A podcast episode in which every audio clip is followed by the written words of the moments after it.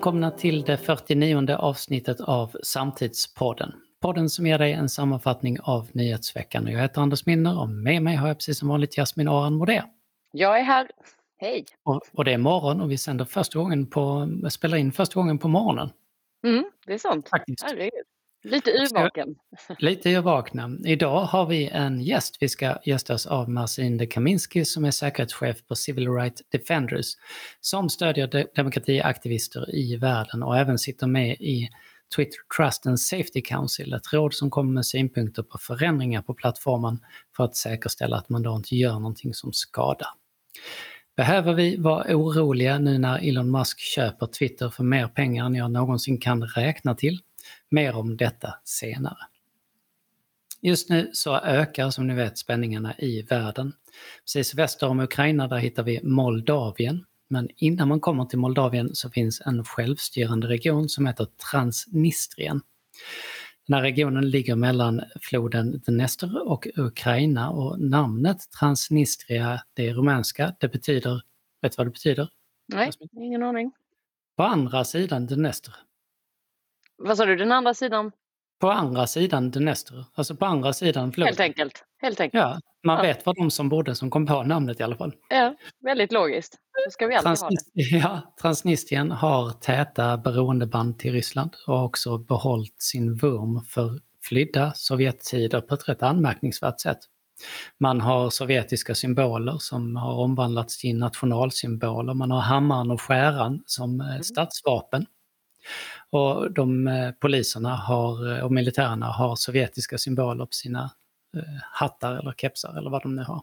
Lenin står fortfarande staty lite här och var. Och här i den här regionen så har det exploderat en del samtidigt som ryssarna nu säger att moldaverna trakasserar den rysktalande befolkningen. Samma sak som man sa innan mm. invasionen av Ukraina.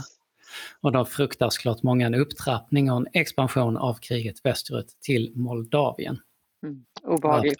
Varför? Mycket obehagligt. Och varför då? Jo, via Transnistrien och Moldavien så skulle man lätt då kunna få en andra flank eh, för eh, ryssarna och lättare dessutom komma åt Odessa från det hållet. Ringa in det. Och samtidigt som detta händer så pratar Lavrov eh, hotfullt om risken för ett tredje världskrig. Och Ryssland gör ju allt för att avskräcka oss och Finland att gå med i NATO. Samtidigt så ströp eh, Ryssland i veckan gasleveranserna till Polen och Bulgarien efter att landen eh, vägrat eh, betala i rubel och hotar att göra detsamma med övriga EU-länder. Och det här innebär då även att temperaturen i NATO-debatten höjs. Och att det kommer vara svårt att skilja informationskrig och påverkansoperationer från sanning i nyhetsflödet står ju ganska klart här. I veckan så kom nyheten att USA kommer inte ge Sverige säkerhetsgarantier under tiden mellan en svensk NATO-ansökan och ett beviljat medlemskap. Det här uppgav både Dagens Nyheter och Expressen, men tillbakavisades såklart ganska snabbt av Pentagon i Aftonbladet. Typexempel på den här saken som, där man inte riktigt kan skilja är sanning och är mm, bara mm. Eh, någon som vill oss, få oss att tro någonting. Svårare än någon, någonsin skulle man nog säga.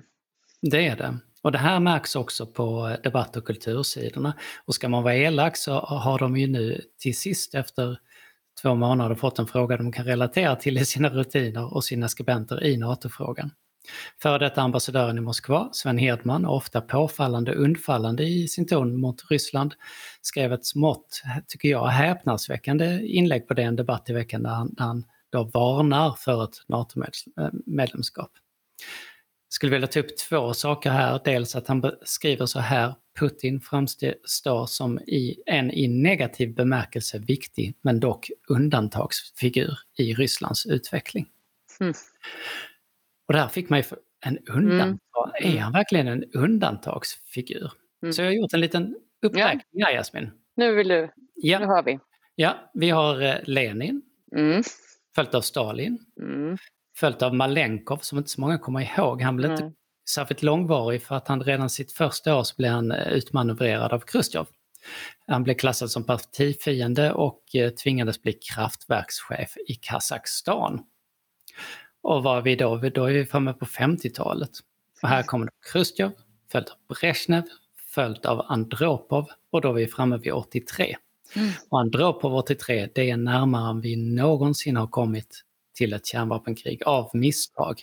Aldrig någonsin har världen varit så nära förintelse som 1983. Mm. Än så länge så är det en ganska jämn serie, rätt olustiga figurer, eller vad säger du? Eller hur, ja, jag, jag förstår. Ja. Det är, ing, det är ingen av de här du ingen av dem. plansch i, Nej, jag, i sovrummet? Jag hade inte velat eh, hänga med dem. Det kan vi väl ändå säga. Och Andropov, eh, som för övrigt var tidigare KGB-chef, han sitter i två år. Han dör 84. Och här blev det problematiskt att hänga med. För oss som var med på den tiden var det ju svårt att hänga med. Han dör, ersätts av Tjernenko. Tjernenko dör själv eh, två år senare. De är så gamla de här gubbarna. Mm, mm. Eh, och han ersätts då av Gorbatjov som ju leder Sovjet till dess upplösning. Mm. Här har vi 100 år och, eh, ungefär och åtta personer. Mm. Det var en som inte målmedvetet försöker göra världen till en fasansfull plats. Och därefter får vi Jeltsin som sitter 91 till 99. Han startar som vi vet kriget mot Tjetjenien. Han hjälper till att lyfta Putin till makten och enligt studier så är han ansvarig för en regeringstid där mer än 2,5 miljon ryssar dör i förtid, mer än normalt. Och då är vi framme vid Putin. Och han sitter i två perioder, följs av Medvedev, men det är ju bara så att Putin ska kunna mm. komma mm. tillbaka mm. senare. Och hur kan då en Rysslandskännare skriva att Putin framstår som en undantagsfigur i Rysslands utveckling? Vilken utveckling är det han ser? Har du, en, eh, har du svar på detta, Anders? Det är obegripligt. Det är ju, det är ju nästan... Det är obegripligt och, och, och min poäng här är att här tycker jag att en debattredaktör bör reagera. Ja. Och säga, jag behöver en mer underbyggd text. Alltså du har ju rätt att tycka det här. Men du Absolut. behöver ge läsarna lite mer förståelse kring hur du resonerar. Och det bör inte vara allt för galet. Ja, men det är väl en ganska, det är väl inte helt eh, men de flesta förstår väl ändå att det här är ju helt galet. Va? Alltså, det behöver ju inte veta jättemycket om vad som har hänt de senaste hundra åren för att ifrågasätta detta. Nej. Jättemärkligt att han om, fick om, om jag skriver att månen framstår som en källa till mer ljus än solen. Det, jag skulle kunna tänka kunna tycka detta, men ingen redaktör hade låtit mig skriva det. Nej, då hade du ju fått eh, ha bra argument för det, det får vi ju säga. Och den andra saken jag vill lyfta fram är att Hedman skriver att Sverige geopolitiskt ligger mellan Ryssland och västmakterna. Nej, vi ligger inte mellan Ryssland, vi ligger integrerade i. Mm. Alltså, även mm. om vi inte är med i NATO så är det uppenbart att vi är en integrerad del av väst, västmakterna. Såklart. Och har haft militärt samarbete med de här eh, länderna i, i, decennier. Nej, han får backa. Eller någon får, redaktör får eh, ta tag i det här tycker jag. Men här kommer, okay. min, här kommer min spaning Jasmin. Ja. Efter de här Shoot. två. Jag tror att Hedman är den nya, de 22 forskarna. Så är det ju. Där har du. Den här, den här konträra rösten som säger konstiga saker som debattredaktörer förväxlar med någonting som är intressant. Mm. Och tror att här, vi kan inte missa det här för det här kanske är något, de kanske är något på spåren. Ja men liksom vad som helst som är, som är en, an, en annan vinkel ses som intressant för att det är en annan vinkel. Mm.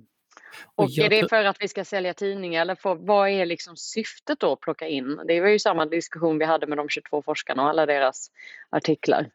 Ja, syftet är ju att man vill vara debattledande och vara den som, som eh, skapar det här basset, det, det man pratar om. Mm. Det, det, är ju eh, syftet. Jag tror att vi kommer att höra den här typen av röster väldigt mycket under tiden fram till den öppna NATO-diskussionen som nu är ju bara några veckor fram.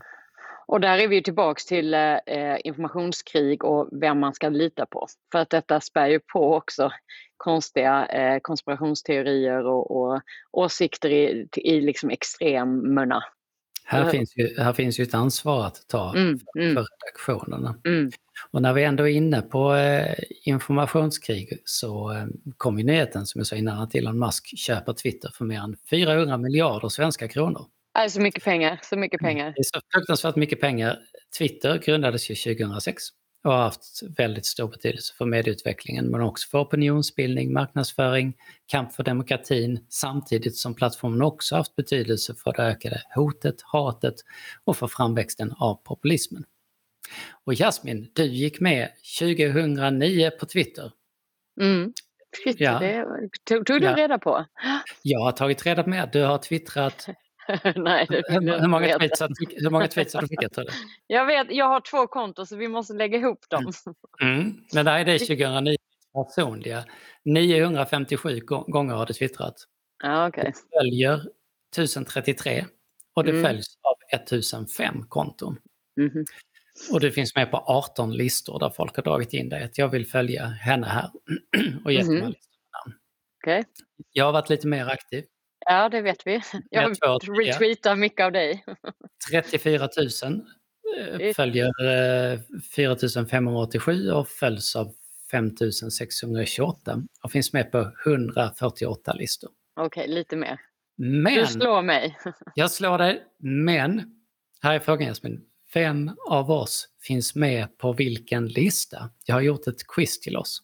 Åh, herregud, jag har ingen... Hur ska jag... Jag vet ju knappt att jag Nej. eh, startade får 2009. det gissas ju att namn på olika listor, vem av oss är med på den här listan? Så någon har skapat en lista, gett den det här namnet och där finns antingen du eller jag med på den här listan. Jag börjar med den första listan, den heter Viktigpettrar. det, det är du. Det är jag. Andra, Man kan, skulle kunna tro att det var jag. Ett poäng. Sköna människor. Det är du igen. Det är jag igen, två, två poäng. Eh, top planners. Och vad är det för lista kan man ju då fråga. Men jag, ja. Och varför skulle jag vara på den? Men jag tänker att det kanske ändå är jag där. Det är Eller? du, helt rätt. Och vad är det för lista? Det, det, det får du, får du Okej, googla. jag får googla på det. Okej, ja vi Ty- kör. Tyckare, Ja, det är du. det är du. Mhm. Mm. Mhm. Changemakers, Ja, men där skulle det inte kunna vara båda då? Det är i alla fall det vi vill vara. ja det är en av oss. Mhm. Ja. Okej, jag säger ja då. Ja, rätt. Fyra poäng. Better sleep habits, Ja, det är du. Det är jag. Inte för att jag sover särskilt bra, men för att eh, jag har skrivit om böcker om sömn och jobbat med Björn Hedensjö, gissar jag. Precis. Och den sista, triple helix. Det borde vara du, men eh, jag tjatar om det också lite i olika sammanhang, fast sällan på Twitter väl? Ja, jag säger du. Det är du som är med på triple helix, såklart. Men fyra rätt var ändå ganska bra. Varför twittrar du så lite? Alltså, eh, jag är ju glad att jag ens hinner med det jag ska. Jag hade önskat att jag, eh, jag, jag hann med mer. Jag tycker det är ett bra verktyg eh, och jag, lär, jag följer, alltså de jag följer följer jag ganska intensivt så jag är ju mycket på Twitter. Men då ska man också hinna säga något smart. Jag tycker inte man, man kan säga grejer. Jag vill ändå vara, ha lite eh, genomtänkt vad jag skriver, även om jag inte är så i, jag höll jag på säga, i verkligheten. Men det är nog bara, det är tyvärr bara en tids, eh, tidsfråga. Jag letade upp dina första tweets. Jaha. Det var då när jag var på Media Evolution, var det inte det? 7 maj 2009 är detta. Och din första tweet, kommer du ihåg den? Nej, men det var nog under en konferens va? Nomineringen till årets Skåneetta har börjat. Kolla in skåneettan.se. Spännande! Jaha. Och sen så tar det en veckas paus innan du kommer med tweet nummer två. Och då skriver du äntligen kommer jag ihåg mitt lösenord. Nu ska jag börja twittra på riktigt. Och sen gick det, vad är det, Det här är 13 år? Fruktansvärt mycket. Du, nej, redan, redan nästa dag är du igång med den tredje tweeten där du skriver alla fem äntligen i bålen på väg till Brantevik. Har, har ni kvar bålen? Ja, det kommer jag ihåg. Det, nu kommer jag ihåg det här. Det var också en väldigt konstig tweet. Och då kunde man liksom inte koppla det så mycket till bilder eller annat. Så det blev ju det blev ganska platta, tycker jag i alla fall. Det Va- så? va- Det, Det var i bilen ja, och då var barnen små. Då var det väl en stor grej att vi ändå fick ihop oss. Ganska ointressant för omvärlden. vad tycker du om Twitter? Jag älskar Twitter. Mm. Alltså det är, och jag måste säga att under framförallt eh, jag var, hade liksom en, då när det började så tyckte jag det var jättebra och så tyckte det var ett fantastiskt verktyg. Vi hade ju med det som en Istället för om man tänker chattfunktioner under de här, alla de här digitala mötena så hade vi ju det som en extra eh, eh tavla på våra konferenser. Kommer du ihåg det Anders? Där mm. vi, mhm. man kunde twittra in vad man tyckte även om man inte var med på själva konferensen. Eh, så det användes ju flitigt i början där. Nu vet jag inte riktigt vilka år det var. Sen tycker jag att det blev en svacka. Jag, var inte, jag tyckte det bara blev liksom ankdammar av det och väldigt mycket liksom polarisering. Eh, jag blev nog eh, återindragen eh, igen under pandemin. Mm. För att just den här att följa olika, liksom, vad är egentligen vad? Då är vi ju tillbaks till det här med informationskriget. Det var inte det var ju uppenbart att vissa tidningar tog liksom mer ställning även om de skulle vara oberoende i alla fall sin nyhetsrapportering. Eh, så där började jag och eh, eh liksom blev, var ännu mer aktiv igen. Alltså inte, jag twittrade inte så mycket men jag, jag följde massor med nya olika vinklingar och nu även under, under Ukraina, Rysslands eh, anfallskrig. Mm.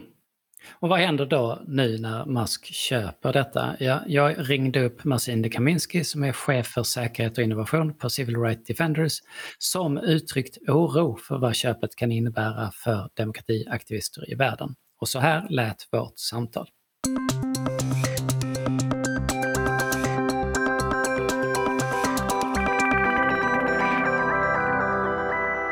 I dagens ETC eh, här på, i onsdag så säger du att Twitter är mer än en ankdamm för journalister. För de yttrandefrihetsaktivister vi arbetar med så är det inte skoj och underhållning utan liv och död. Vilket sätt hör det här ihop med Musks köp av Twitter och vad är det man kan vara orolig över? Jo men så är det och eh, i, från vårt perspektiv när vi, när vi jobbar med eh, aktivister och vi, vi gör ju det i, i repressiva länder där medieklimatet ser helt annorlunda ut än i Sverige. Då blir många eh, sociala medieplattformar kanske det enda fönster man har ut mot en omvärld för att både kunna ta in information men också kunna sprida information. Så många av de aktörer som, som finns i mina nätverk är oroliga när det kommer nyheter som riskerar att skaka om den typ av eh, publicerings, eh, eh, ekosystem kan man säga kring, kring just de frågor som de driver som, som de ändå är beroende av. Och vad, vad konkret är det då de är oroliga för ska hända? Jo men plattformarna som, som eh, de använder sig av, till exempel Twitter eller, eller Facebook till exempel, de har ju viss inbyggd mekanism, eller mekanik som, som eh, aktivister har lärt sig att använda. Alltså man har förstått hur spridningen fungerar, man förstår hur säkerhetsfunktionerna fungerar, man förstår vad man får och inte får säga och också då hur man kan dra nytta av plattformarnas eh, stora spridning. Och eh, då när, när det kommer indikationer på att, att det här kanske inte längre gäller då ställs deras liv och verksamhet på ända och eh, man måste fundera på hur, hur ska man kunna fortsätta jobba för mänskliga rättigheter på ett, på ett effektivt sätt. Mm. Och, och är det då just någonting speciellt med mask här som gör att organisationer som ni blir lite oroliga? Ja, men det Elon Musk har gjort som, som del av sitt kampanjande eh, nu inför det eventuella köpet som, som eh, ligger på bordet är också att han har gjort väldigt tydligt att han tycker att han ska öka yttrandefriheten på, på Twitter.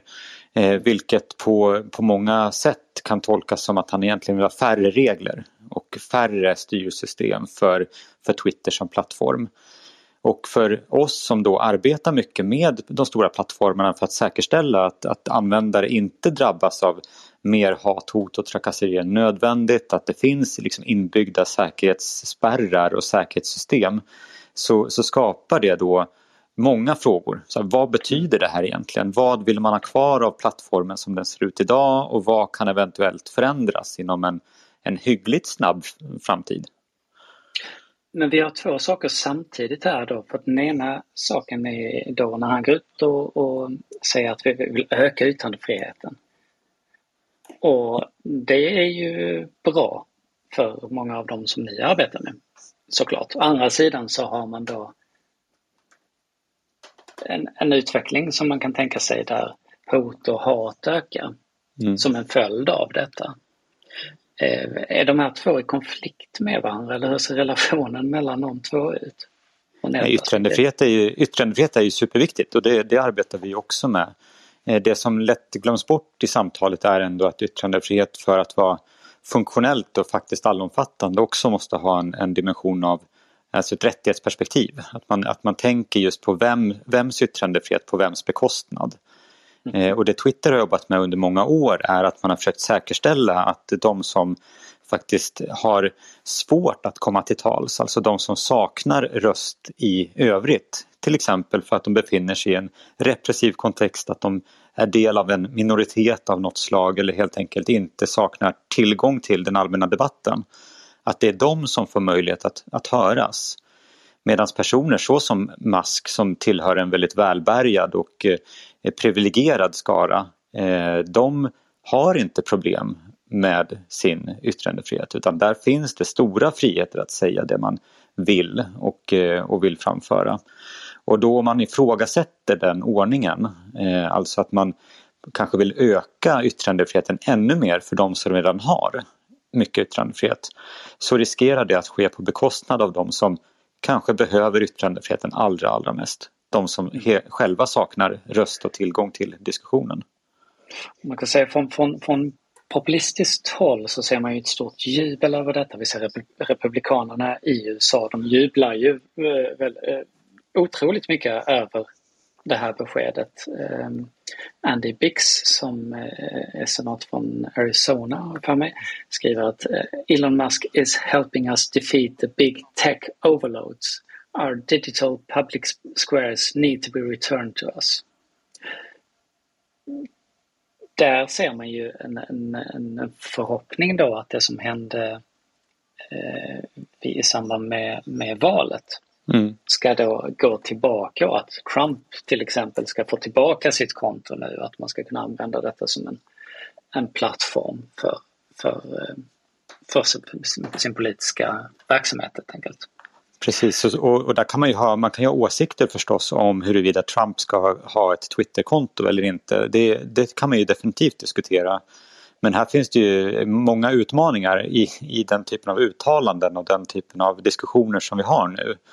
Där, där det just finns en, en oro hos mig och bland de som jag arbetar med att, eh, att Twitter som plattform antingen ska politiseras mer utifrån det uttalande som du precis citerade eh, eller att det blir en, en lekplats, liksom en, en yta för någon form av nyckfullhet från Elon Musk som inte mm. riktigt eh, är känd för att göra väl övervägda uttalanden utan han han drar ju på ganska hårt och vill ha uppmärksamhet och vill mm. synas. Mm. Och ska då skiftningar i hur Twitter fungerar baseras på hans eh, feeling för dagen, då, då har vi ett helt annat problem om vi också vill se Twitter som en stor plattform, kanske till och med en kommunikationsinfrastruktur om man vill dra det så långt. Det finns ju också någonting i vår kultur som, som är en bas för egentligen för hela populismens framväxt. Att att de här eh, stora, speciella, oftast männen som bryter eh, spelreglerna och gör som de känner är ju vår tids superstjärnor idag. Trump är ju en sådan. Mm. Musk är ju en annan som faller in i samma.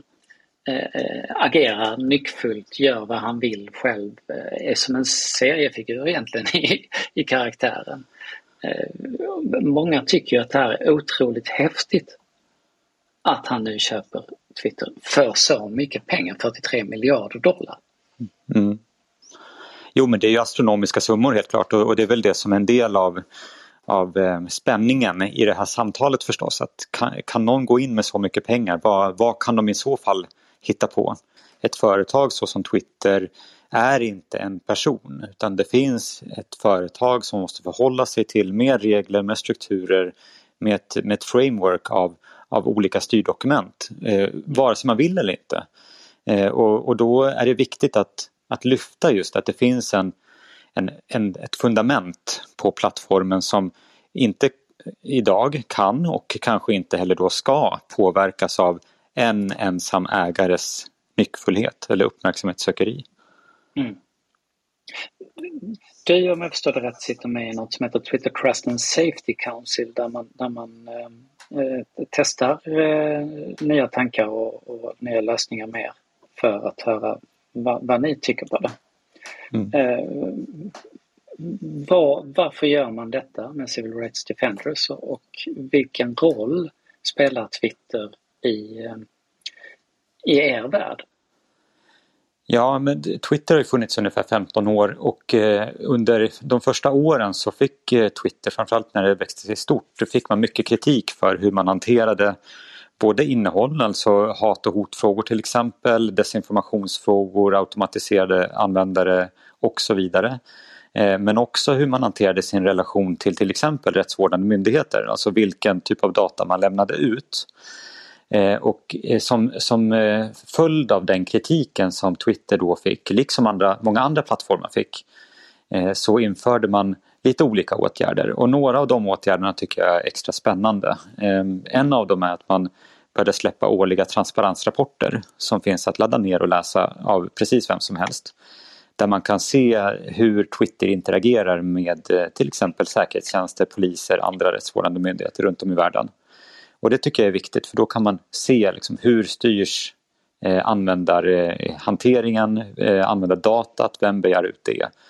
Eh, det är en viktig del. Eh, den andra viktiga delen som Twitter har infört är just den typen av Trust and Safety Council som, som jag representerar Civil Rights Defenders i där man samlar, eh, fram, framförallt är det personer från akademin eh, Eh, och civilsamhället runt om i världen just för att representera olika typer av användarbaser på plattformen. Och det gör man för att just kunna bolla stora förändringar i funktioner. Ifall man ska införa någon ny säkerhetsåtgärd så vill man veta att det inte slår hårt då mot eh, marginaliserade eller utsatta grupper samtidigt som man inte heller vill att det eh, kanske då eh, gör inskränkningar på yttrandefriheten för andra användare. Så att det finns liksom den typen av avvägningar. Använder man den här typen av funktion som jag är en del av eh, som bollplank i. Mm. Och, eh, och det tycker jag är en viktig funktion för det gör att Twitter, även om det är ett amerikanskt kommersiellt företag, ändå försöker hålla örat mot marken och se vad, vad lirar och vad gör inte. Eh, och lite olika i olika här, delar av världen det här, är, det här är ju någonting som inte så ofta kommer fram i, i liksom den traditionella mediediskussionen om Twitter. Nej, inte alls. Jag, jag har inte sett det här diskuteras överhuvudtaget och det tycker jag är lite synd för att det, det visar ändå på att, att det finns en, en vilja att, att diskutera mer och vi har ganska stor inverkan och har bromsat en del lite knäppa utrullningar medan vi har förordat andra för att spridas i, i länder som kanske Twitter inte har förväntat sig att de skulle behövas och så. Eh, och det tycker jag är viktigt. Eh, mm. Vi har också någon form av eh, andra läsning av många av Twitters guidelines och policies till exempel när det gäller content moderation eller liksom innehållskontroller och så. Eh, och det är ju viktigt just för att där har ändå Twitter förstått att de består av mycket amerikaner, eh, framförallt en amerikansk världssyn som präglar företaget. De behöver få in andra typer av ögon och öron i, i sin utveckling också. Och då tar de hjälp av av oss och det nätverk som vi har. Hur tror du det här kommer påverka andra sociala medier? Ehm, ja, jag tror att det är viktigt att ställa sig frågan hur, hur ägarförhållandena i olika typer av stora plattformar ser ut egentligen och vilken typ av insyn man har. Och det tycker jag vi ska fortsätta ställa, eh, ställa oss den frågan oavsett vilket sociala medier vi pratar om. Jag tycker också vi ska eh, fortsätta att ställa eh, andra plattformar plus Twitter förstås eh, till svars för olika typer av vägval som de gör oavsett om det gäller ägarförhållanden, insyn i, i, i företagskulturen eller hur företagsstrukturen eh, ser ut men också då i hur det manifesteras för, för oss som användare. För det är ju inte Plattformen blir ju inte bättre om inte vi också ställer väldigt tydliga krav på hur vi vill att de vill vara eller ska vara.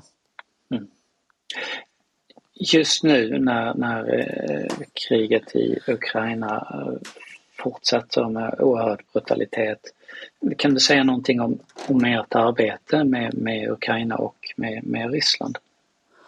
Ja, vårt arbete kring Ukraina har, har pågått sedan sen första krigsdagen och, och, vi har arbetat eh, väldigt målinriktat och väldigt eh, Eh, dedikerat i, i vår verksamhet just för att hjälpa personer som befinner sig på plats. Eh, och eh, där eh, blir det verkligen en väldigt tydlig koppling till det samtal som, som vi har också om de stora sociala medieplattformarna just eftersom det finns ett både ett informationsflöde som vi måste ifrågasätta, alltså den, den diskurs som brukar kallas desinformation eller propaganda. Men också det faktum att det inte finns så många eh, fria oberoende medier i hela den regionen. Eh, och då blir internet ett väldigt, väldigt viktigt verktyg för de kvarstående eh, rapportörer om, om verkligheten i, både i krigets Ukraina och i bredare regionen.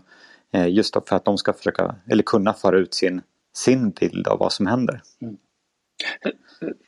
Kan man använda Twitter i Ryssland idag? Det har gått lite fram och tillbaka. Det, det, är lite otydligt hur de stora plattformarna ställer sig till Ryssland egentligen. Så att vissa plattformar har strypt ryska konton och andra har blivit strypta inne i Ryssland, alltså censurerade i Ryssland. Eh, och Twitter fungerar men eh, det är lite kackigt och man kanske ibland behöver man ha lite tekniska kunskaper för att förstå hur man ska ta sig runt censuren. Mm. För den är ganska nyckfull också. Det, det händer mycket från dag till annan. Mm. Och hur, hur kan man stödja ert arbete när det gäller just eh, krisen i Ukraina och, och den ryska krisen ska man ju eh, komma ihåg för vi, glömmer ganska lätt bort att det är ju en eh, mental kris för, för de ryska människorna och mm. de ryska demokratikämparna som vi ser också. Ja, det här är ju en, en kris som rör hela regionen förstås och jag tycker man ska, om man vill stödja eh, organisationer som vår som jobbar i, i Ukraina och i regionen så ska man gå in på våra hemsidor och se vad vi gör och eh, i vårt fall så har vi ett väldigt eh, dedikerat arbete där vi ger framförallt akut stöd till journalister, hbtq-personer i regionen eh, och, och det stödet blir inte bättre än en, alltså det, det, är väldigt beroende av hur många som också hjälper till och, och backar oss i det. Så där tar vi tacksamt emot hjälp och stöd på olika sätt. Och då hittar man alltså detta på crd.org, civilrightsdefenders.org. Stort tack för att du ville vara med i podden.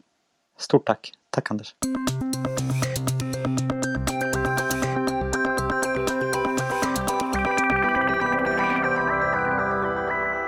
Fler nyheter. Venedigbiennalen har öppnat. Det är en av världens största konsthändelser. Jasmin, har du sett någon konstutställning som gjort ett stort intryck på dig någon gång? Ja men eh, det tycker jag. Det finns väldigt många. Vi såg nyligen en fantastisk van Gogh-utställning, både om hans liv och eh, ja, men gjord på ett väldigt interaktivt sätt. Superbra. Alltså det finns ju hur mycket som helst. Vi, mm. ja. Jag har varit på Venedigbiennalen två gånger och det är en sån här sak som man önskar att fler hade kunnat få uppleva mm.